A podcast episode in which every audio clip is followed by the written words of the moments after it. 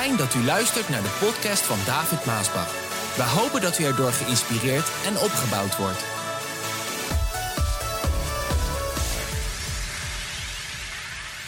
Ik heb u verteld hoe wij allemaal door Gethsemane's in ons leven gaan. Hè? Verpletterd en vergruist en nou moeilijk.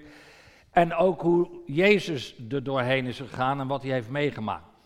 Ik ga daar graag op verder in, in dit woord, deel 2 zeg ik maar, van Gethsemane. En vandaag begin ik deze boodschap met een vraag. En de vraag is, welke macht of kracht kon Jezus Christus A naar Gethsemane brengen? En B op de knieën brengen. Bijna zou ik eigenlijk willen zeggen op de knieën dwingen, want hij ging op de knieën en kon niet anders. En C, dat hij zo bang werd, hè, zo bang maken dat zijn zweet, zegt de Bijbel, zijn zweet bloeddruppels werden. Ik vroeg mij af, wat is het toch? Wat is die macht? Wat is die kracht? Wat, wat is datgene? Dat Jezus naar, naar die plaats bracht. Naar Gethsemane, naar die oliepers. Naar die plaats van vergruizing en verplettering en crushing, hè? zei ik verleden keer. En, wat is het dat hem, dat, waardoor hij zo op zijn knieën viel? En wat is het waardoor hij zo bang werd? Echt bang werd. Dat hij in die strijd zijn zweet bloeddruppels werden. Want dan moet, je, dan moet er toch iets heel bijzonders aan de hand zijn als dat gebeurt. En ik dacht, hoe, hoe kan dat nou eigenlijk? Ik zat het te lezen en het staat er ook letterlijk in de Bijbel. En ik denk, hoe kan dat nou? Want zo ken ik Jezus helemaal niet. Ik lees niet één keer over Jezus op deze manier. Als je de evangelie leest, uh, Matthäus en Marcus en Lucas en Johannes, en je leest over het leven van Jezus, dan lees je niet één keer dat hij bang was. Dat hij in strijd was. Integendeel, Jezus was altijd, lees je in de evangelie, hij was altijd in de rust. Hij was altijd heer en meester over de situatie. Als je leest over Jezus hè, en die, die fariseërs en die schriftgeleerden die komen en die vallen hem dan telkens aan. Kijk hoe hij reageert daarop. Er was zelfs één keer lezen in Matthäus 24, of het was 23, dat hij, dat hij zelfs boos op ze werd. Dat hij tegen die geesten durfde te zeggen, jullie wit, ja dat is oude taal hoor, wit gepleisterde grafstenen. Nou, ik zou eigenlijk moeten kijken hoe vertaal je dat in het Nederlands. Hè? Wit gepleisterd, gestucadoord, mooi. Mooi van buiten, mooi gestucadoord en afgeverfd, mooi glad. Maar van binnen zegt hij, jullie zijn vol doodsbeenderen van binnen. Van binnen. Addergebroed. Hij durfde dat allemaal zomaar te zeggen tegen die hele groep die, die tegen hem opkwam. Wat dacht je van, van de, de ziektemachten? Jezus kwam gewoon lijnrecht tegenover die ziektemachten. En hij bestrafte die machten. En hij legde zijn hand op die kromme vrouw die door de duivel bezeten was. Weet u nog? En ze werd gezond. Hij zei: Wees verlost van je krankheid. En ze werd gezond. Een andere keer kwam een man met een verschrompelde hand. En hij raakte die hand aan. En hij zei: Wees gezond. En die hand werd gezond. Er staan allerlei wonderen in de Bijbel. Hoe Jezus daar tegenop kwam. Wat denk je van die duivelse machten? Waar hij mee geconfronteerd werd. Hij kwam aan land bij Gadara en er was een man in de graven, die was door de duivel bezeten. Die konden ze met geen ketenen binden, zo sterk was die, want bezeten mensen zijn heel sterk, kunnen heel sterk zijn. En die viel voor zijn voeten neer, voor Jezus voeten neer. Hij bestrafte de geest en de man was totaal genezen. Een andere keer kwam die vader met die bezeten zoon. Hij wist helemaal niet wat hij moest doen. De discipelen konden hem zelfs niet helpen en de jongen bevrijden. En de Jezus zegt, breng die jongen hier. Hij bestrafte die geest en die jongen was helemaal gezond. Uh, wat denk je van de stormen, de elementen? Dat er was een grote storm op zee. De discipelen, ze, ze dachten dat ze zouden vergaan. En ze riepen het uit. En dan komt Jezus en die gaat staan en die zegt. Die was helemaal in de rust, hè? Zijn stem alleen wordt stil. En de wind gaat liggen en de storm gaat liggen en het wordt helemaal bladglad stil op de zee. Wat een kracht, wat een macht, lieve mensen, had Jezus. Hij was altijd Heer en Meester over elke situatie. Wat er ook gebeurde, hoe de stormen ook woeiden, hoe de boze geesten en machten ook tegen hem opstonden. Wat denk je van, van toen hij daar stond? En al die valse beschuldigers, die riepen kruist hem en hij is schuldig. En, en hij was gewoon stil. Hij denkt, laat maar gaan. Heb geen nut om hier wat aan te doen. Laat maar gaan. Doe maar wat je moet doen. Hij was helemaal heer. Zelfs aan het kruis was hij heer en meester. Dat hij kon zeggen: Papa, vergeef het hun. Want ze weten niet wat ze doen. Lieve mensen, je leest elke keer dat Jezus in de kalmte Heer en Meester over elke situatie was. Wat was dat dan? Waardoor hij op dat ene moment daar, waarvan we lezen in de Bijbel in Marcus, Marcus 14. Ze kwamen bij Gethsemane, een tuin op de helling. Daar hebben we vorige, keer over gesproken. Uh, wil je de boodschap horen, dan ga je maar naar de message station. Gratis te horen deel 1 van Gethsemane, waar ik daarover spreek, over die tuin. De discipelen, Jezus, ze kwamen bij Gethsemane, een tuin, op de helling van de Olijfberg.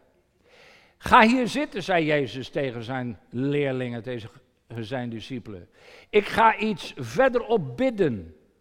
En hij nam alleen Petrus, Jacobus en Johannes mee. En luister wat er staat. Waar lees je dit in de evangelie? als hij met een situatie te maken krijgt. Er staat, Jezus begon bang te worden. Hallo? Jezus begon bang te worden. En kreeg het heel erg moeilijk. Heel erg moeilijk. Het is, toen ik dat las, toen dacht ik bij mezelf, hoe kan dat? In elke situatie is hij Heer en Meester en kalm. En hier begint hij bang te worden. Zijn discipelen begrepen het ook niet. Uh, Johannes, Jacobus en Petrus. Want daar heb ik ook aan zitten denken. Hij, hij was daar natuurlijk al mee bezig, hè? Met, met laat ik het anders zeggen. Jezus sprak elke keer over dat uur. Weet u nog? U kent de Bijbel toch een beetje, anders moet je de Bijbel gaan lezen. Elke keer sprak hij over dat uur, dat uur dat ik overgeleverd zal worden. Dat uur dat ik in de handen kom van de vijanden. Hij sprak elke keer over dat uur. Zo, hij was daar al mee bezig. Hij wist dat dat uur zou aanbreken. Dat zegt hij ook ergens. En dan komt hij op die plaats, Gethsemane, waar dat uur aanbreekt. Zo, hij was daarmee bezig. Hij was eigenlijk al in die strijd aan het komen. En dan met zijn discipelen, die laat hij dan daar. En Petrus, Johannes, Jacobus, die kenden hem erg goed. Die, die nam hij een stukje mee. En dan zegt hij tegen hun, ga hier zitten. Ik ga daar bidden. Ik denk dat toen hij dat tegen zijn discipelen zei, dat zij iets moesten gevoeld hebben op de manier waarop hij keek en waarop hij dat zei. En toch begrepen ze het niet. Snap u dit wat ik dat zeg? Dat moet. Als je in zielenstrijd bent, dan, dan voel je dat. Maar zij begrepen het niet. Waar Jezus daar doorheen ging. Maar dat was het uur, lieve mensen. Dat was het uur waar het allemaal om draaide bij Jezus Christus, bij God de Vader en waarom hij kwam. Het was dat uur dat het lam geslacht zou worden, wat voor de grondlegging al gereed was voor de zonde van de wereld. Hij was het lam. Wat Johannes ook zegt, zie het lam Gods dat de zonde de wereld wegneemt. Dat was het uur dat hij geconfronteerd zou worden met die grote rebel Satan. Die hij kende vanuit de hemel. De historische tijden dat Lucifer in opstand kwam bij God. Dat was het uur dat hij die confrontatie zou aangaan. Dat is waar het allemaal om ging. Dat moment, dat uur, dat brak aan. Daar in Gethsemane. Vraag. Wat zat er dan in die beker? Waardoor Jezus zo bang werd. Dat, dat vraag ik mij dan af. Ik, ik, lees dat en we hebben er misschien verschillende keren op verschillende manieren over gelezen en, en preken over gehoord. En nu, nu doet het weer iets nieuws voor je. Gods geest openbaart nieuwe dingen, geeft licht nu terwijl ik spreek dat je denkt, ja, ja, ja, ja. Hoe komt dat eigenlijk? Hoe kan het toch dat Jezus die zo sterk was, die de zoon van God was en is, die altijd Heer en Meester was, nu zo ontzettend bang was. Dat zijn bloed, dat zijn zweet bloeddruppels waren. Dat hij daar strijdt en bidt op zijn knieën valt. Wat zat er dan in die beker? Die hij daar moest drinken. Want dat bidt hij toch? Dat is precies wat hij bidt als hij dan een eindje verder gaat. Dan bidt hij, Abba vader, papa. Ik weet niet hoe u uw papa hebt genoemd vroeger. De ene zegt pa, de andere zegt papa. Dad, noem het maar op. Vader. Vader, voor u is alles mogelijk. Neem die beker bij mij vandaan. En toch, niet wat ik wil, maar u wil moet gebeuren, moet geschieden. Dit kennen wij allemaal. We hebben het allemaal eens gehoord. In een boodschap en gelezen. Ik ook. Maar ik las het en ik dacht, wat is het dan? Dat hij bidt, haal het. Ik, ik begreep het in het begin niet eens. Misschien net als u, die altijd dit heeft gehoord. En nou, oké, het is het is daar, het gebed lijkt erg kort, maar ik zal u vertellen, het duurde eeuwen dat gebed. Het lijkt erg kort, maar die discipelen vielen niet zomaar in slaap. Ze hebben met elkaar gesproken en toen vielen ze in slaap. Dit duurde eeuwen. Intens. Wat was het dan? Waardoor hij bidt, die beker, dit was toch het uur? Dit was toch het uur waarvoor hij kwam? Dit was het uur waarop het allemaal zou gebeuren. En nu dat dat een uur aanbreekt, bidt die papa haal het weg. Zo, wat, wat was dat dan? Nou, ik zal u vertellen. Ik begrijp een beetje hoe het was. Want ik heb een klein, heel klein, heel klein, klein, klein, klein nipje van die beker mogen proeven. En ik zal het u voorlezen vanuit mijn autobiografie, wat ik heb meegemaakt en een ervaring. Waardoor ik een klein beetje weet wat dat was. Het is een lang hoofdstuk, want er gebeurt nog veel meer, maar ik haal een stukje eruit. Ik begrijp achteraf goed dat door mijn zoeken, vasten en bidden, die moet je onthouden, mijn zoeken, vasten en bidden, waar ik dus mee bezig was, de duivel alsmaar bozer werd. En daardoor werd de strijd steeds feller. Mijn geestelijke zintuigen werden op een zeker moment zo gevoelig dat elk vuil woord dat tot mij kwam via mensen, televisie, kranten, bladen en radio, door mij heen dreunde als door een gehoorapparaat dat veel te hard staat afgesteld. En hier begonnen de boze machten om mij heen als een zondelast op mij neer te drukken.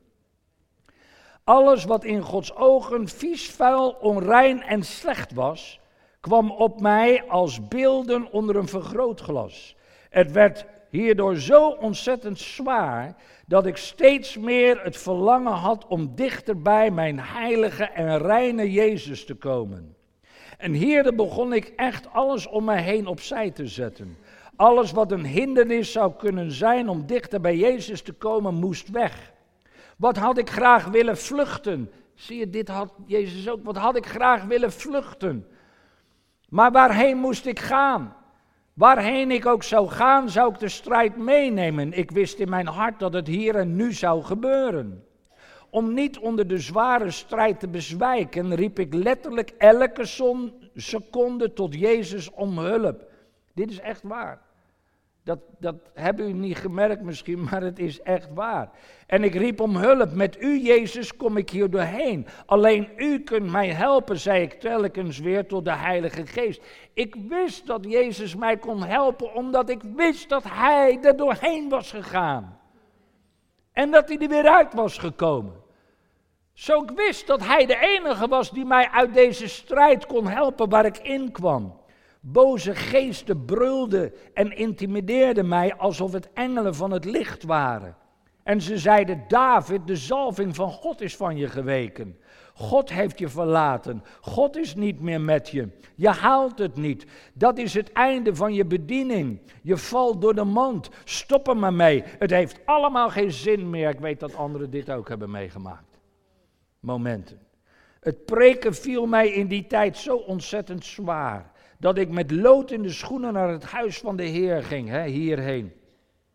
Het gebeurde zelfs dat deze stemmen tot mij kwamen terwijl ik aan het preken was. Ik preekte en vocht tegelijkertijd tegen de machten van de duisternis. Help mij, help mij, schreeuwde ik in mijn binnenste Jezus. Sommige van die aanvallen waren zo hevig dat ik werkelijk dacht dat ik ter plekke zou bezwijken. Vaak had ik hierdoor in mijn binnenste een misselijk gevoel. Het weten dat God met mij was en mij niet zou verlaten was niet genoeg meer. Ik moest het niet alleen weten, maar ook geloven. God is met mij schreeuwde ik telkens weer in mijn binnenste. Ik zag het niet, ik voelde het niet, maar ik hield mij in het geloof vast aan het woord van God dat zegt: Ik zal u nooit in de steek laten, ik zal altijd bij u blijven.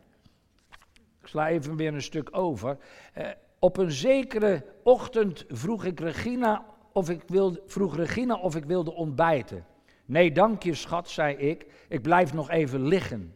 Toen het thuis stil was, huilde ik. En ik bad, o God, ik kan niet meer. Ik geef me over in uw handen, want ik kan niet meer. Ach, en dan denk ik aan hem. Ik denk aan hem. Hij was helemaal alleen. Ik kan nog, ik kan nog op hem leunen en zoeken en vragen. Maar hij had niemand. En toen viel ik in slaap. Maar er gebeurde iets wonderbaars. Ik droomde dat ik gehurkt was en mijn rug tegen een muurtje leunde tijdens een van, mijn, van de een of andere samenkomst. Ik weet niet waar en wanneer dat was, maar Jezus kwam tot mij in de gedaante van een gewoon mens. Ik kan niet beschrijven hoe hij eruit zag, want daar lette ik niet op. Hij was lieflijk en vriendelijk. Hij strekte zijn hand naar mij uit om zijn voorhoofd, mijn voorhoofd aan te raken op een manier zoals wij predikers van het evangelie dat ook doen. Ik sloot mijn ogen en wilde nog een klein beetje achteruit tegen de muur aanleunen. Hij wachtte met zijn hand. En toen ik weer vooruit bewoog in de richting van zijn hand, strekte hij zijn hand uit en raakte mij aan. En met een lieflijke, rustige stem sprak hij: Word vervuld met de Heilige Geest. En meteen voelde ik een warme gloed door mijn lichaam stromen, van boven naar beneden, waarna ik wakker werd. En ineens begreep ik Ineens begreep ik de diepte van wat Jezus aan het kruis op Golgotha had gedaan. Hij heeft daar de enorme last van de zonde, de ziekte en de schuld in zijn geheel en helemaal alleen gedragen in zijn lichaam. Hij heeft dat gedaan, hij heeft gedaan wat niemand kon volbrengen. Er was niemand om hem te steunen en niemand om naartoe te gaan. Hij was alleen en ik heb hem dat aangedaan. En toen ik wakker werd, wist en voelde ik dat Jezus mij had aangeraakt. En dan gaat het naar het einde hoe de Heer mij daaruit haalt. Als ik die ervaring niet had gehad, dan had ik nooit de diepte kunnen begrijpen wat Gethsemane betekent. Ik denk dat er veel christenen zijn die dit weten en proberen in te leven. Maar je kan alleen maar begrijpen wat Gethsemane betekent en wat het betekende voor Jezus als je dit soort ervaringen hebt gehad. Want wat bad Jezus dan? Daar zit veel meer in dan alleen maar papa haal die beker van mij vandaan. Hij, bad eigenlijk daar de diepere betekenis van wat in die beker zat en wat hij moest doen was dat hij bad papa. Mijn lippen zijn altijd rein. Nooit heb ik iets onheiligs en iets onreins in mijn denken en in mijn hart toegelaten. Alsjeblieft, papa, breng die vuile, vieze beker niet aan mijn lippen. Met alle onreinheid en vuilheid van deze wereld in die beker, de zonde. Breng het niet aan mijn lippen. Ze zijn heilig, ze zijn rein. Papa, bij u is toch alles mogelijk? U, kan toch een, er moet toch een andere manier zijn om uw doel te bereiken?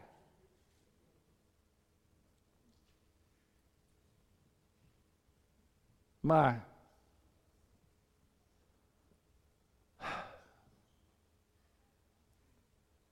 als er geen andere weg is die u weet om mijn doel, om uw doel te bereiken, om de mensen te redden,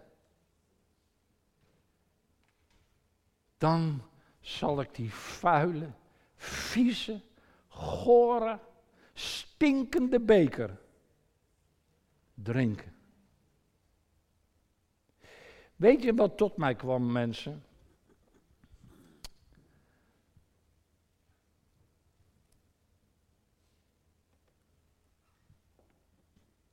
Als ik, die eigenlijk van nature net zo zondig, vuil en vies ben als de dingen in die beker. Als ik in een ervaring een klein, heel klein nipje van die beker neem. En ik vind hem al vreselijk vies, terwijl ik zelf eigenlijk van nature hetzelfde ben als wat in die beker zit. En ik vind hem al vuil en vies. Doordat Jezus mij gered heeft en vervuld heeft met de Heilige Geest. Ik dacht, hoe, ik begrijp het wat hij bad. Hoeveel te meer hij, die nooit zonde heeft gekend, die zo heilig, rein, puur, als witter dan de sneeuw is. Als hij die vuile, vieze beker aan zijn mond krijgt. Dat is ook nog een verschil. Ik dacht bij mezelf, nou, en het was niet een klein nipje dat hij moest nemen. Ik zou misschien eigenlijk beter nog kunnen zeggen, want ik kan het niet vergelijken haast hè, met mij en hem, maar ik zou beter misschien kunnen zeggen, ik heb eraan geroken. En dat maakte mij onmisselijk. En hij moest hem helemaal opdrinken. Ik begrijp dat hij zo'n weerzin op dat moment kreeg. Zo'n weerzin tegen die beker. Om die vuile zonde, mijn zonde, uw zonde, jouw zonde, op zich te nemen. In zich op te nemen, want dat moest hij doen met het drinken. En toen zag ik ineens de wijnstok en de ranken en ik begreep het. Ik dacht, dat was het moment waarin hij zich overgaf. En de vader zijn zoon overgaf. En dat er een soort transitie plaatsvond tussen ons mensen en God, de heilige God. Je had Jezus, die aan de ene kant had hij die vuile vieze beker met alle zonden van de wereld, die hij leeg moest drinken. En aan de andere kant had hij de Vader, die hij zo lief had. En hij stond er tussenin. En dat was het moment dat er een transitie kwam. Dat mijn, ik, ik hou het nu helemaal op mezelf even, maar je moet je eigen naam invullen als je dit heel goed beseft wat hier gebeurde. Mijn zonden vloeiden in hem en zijn heilig, goddelijk, rein, eeuwig leven vloeide in mij. Dat is de wijnstok en de ranken, want de ranken kan niet zonder de wijnstok. De druiven die hebben de wijnstok nodig, ah, die zijn één. Het vloeit in elkaar. Dat is wat er gebeurde daar. Die vuile, vieze zonde van de mensen, alle mensen, de wereld, die dronk hij. Die kwamen in hem. En zijn goddelijk, eeuwig, heilig leven kwam in mij. En het mooie ervan is dat de vuile, vieze zonde niet dat eeuwige, heilige goddelijke leven doodde. Nee, het was andersom. Dat goddelijke, heilige leven doodde de zonde. Snap je? Daarom is het dat het bloed reinigt van alle zonde. Het bloed van Jezus is krachtiger dan de zonde. Dan de zondemacht. Het doodde de zonde en de zondemacht. En dat vind ik nou zo mooi, dat wij die boodschap hebben dat een ieder die tot hem komt, de Bijbel zegt, Jezus zegt, die zal hij niet uitwerpen, die zal die niet wegsturen, maar die mogen geloven en aannemen deze boodschap dat zijn bloed ook voor jou vergoten is.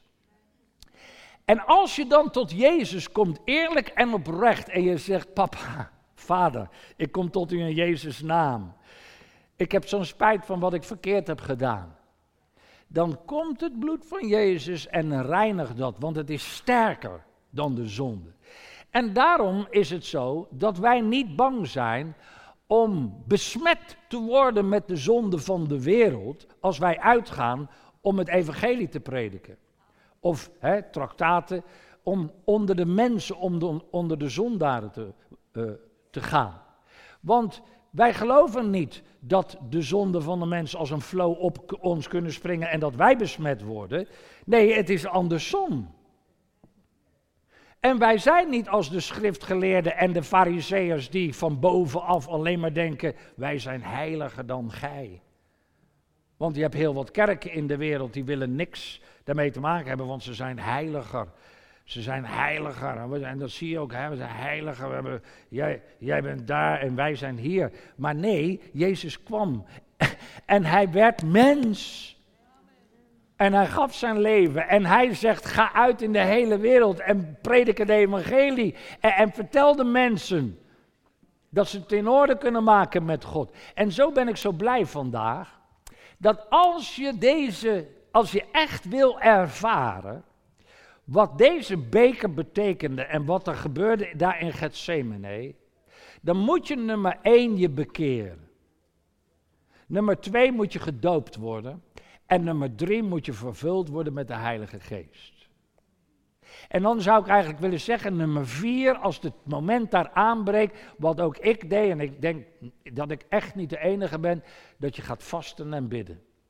En wanneer je die dingen doet, je bekeert je, je laat je dopen door onderdompeling, je wordt vervuld met de Heilige Geest, en als het moment daar is, je gaat vasten en bidden, dan ga je een ervaring krijgen wat ik ook heb gehad, dat je de diepte gaat begrijpen van Gethsemane en wat daar gebeurde. En dan ga je begrijpen wat Jezus echt heeft gedaan, ook voor jou. Om al je zonden weg te nemen, om je een kind van God te maken, om je helemaal te reinigen en te rechtvaardigen en je het eeuwige leven te geven. Want dat is waarom ik in dat eeuwige leven geloof. Mijn zonde die kwamen in hem en hij gaf zijn eeuwig leven aan mij en daarom mag ik leven. En zegt Jezus, ik ben de opstanding en het leven. Je zal leven, ook al ben je gestorven en mogen we eeuwig leven. Wat een heerlijk iets. En wat een prachtige plaats eigenlijk. Gethsemane. En dat is wat Jezus deed. Voor jou, voor u in Gethsemane. Amen.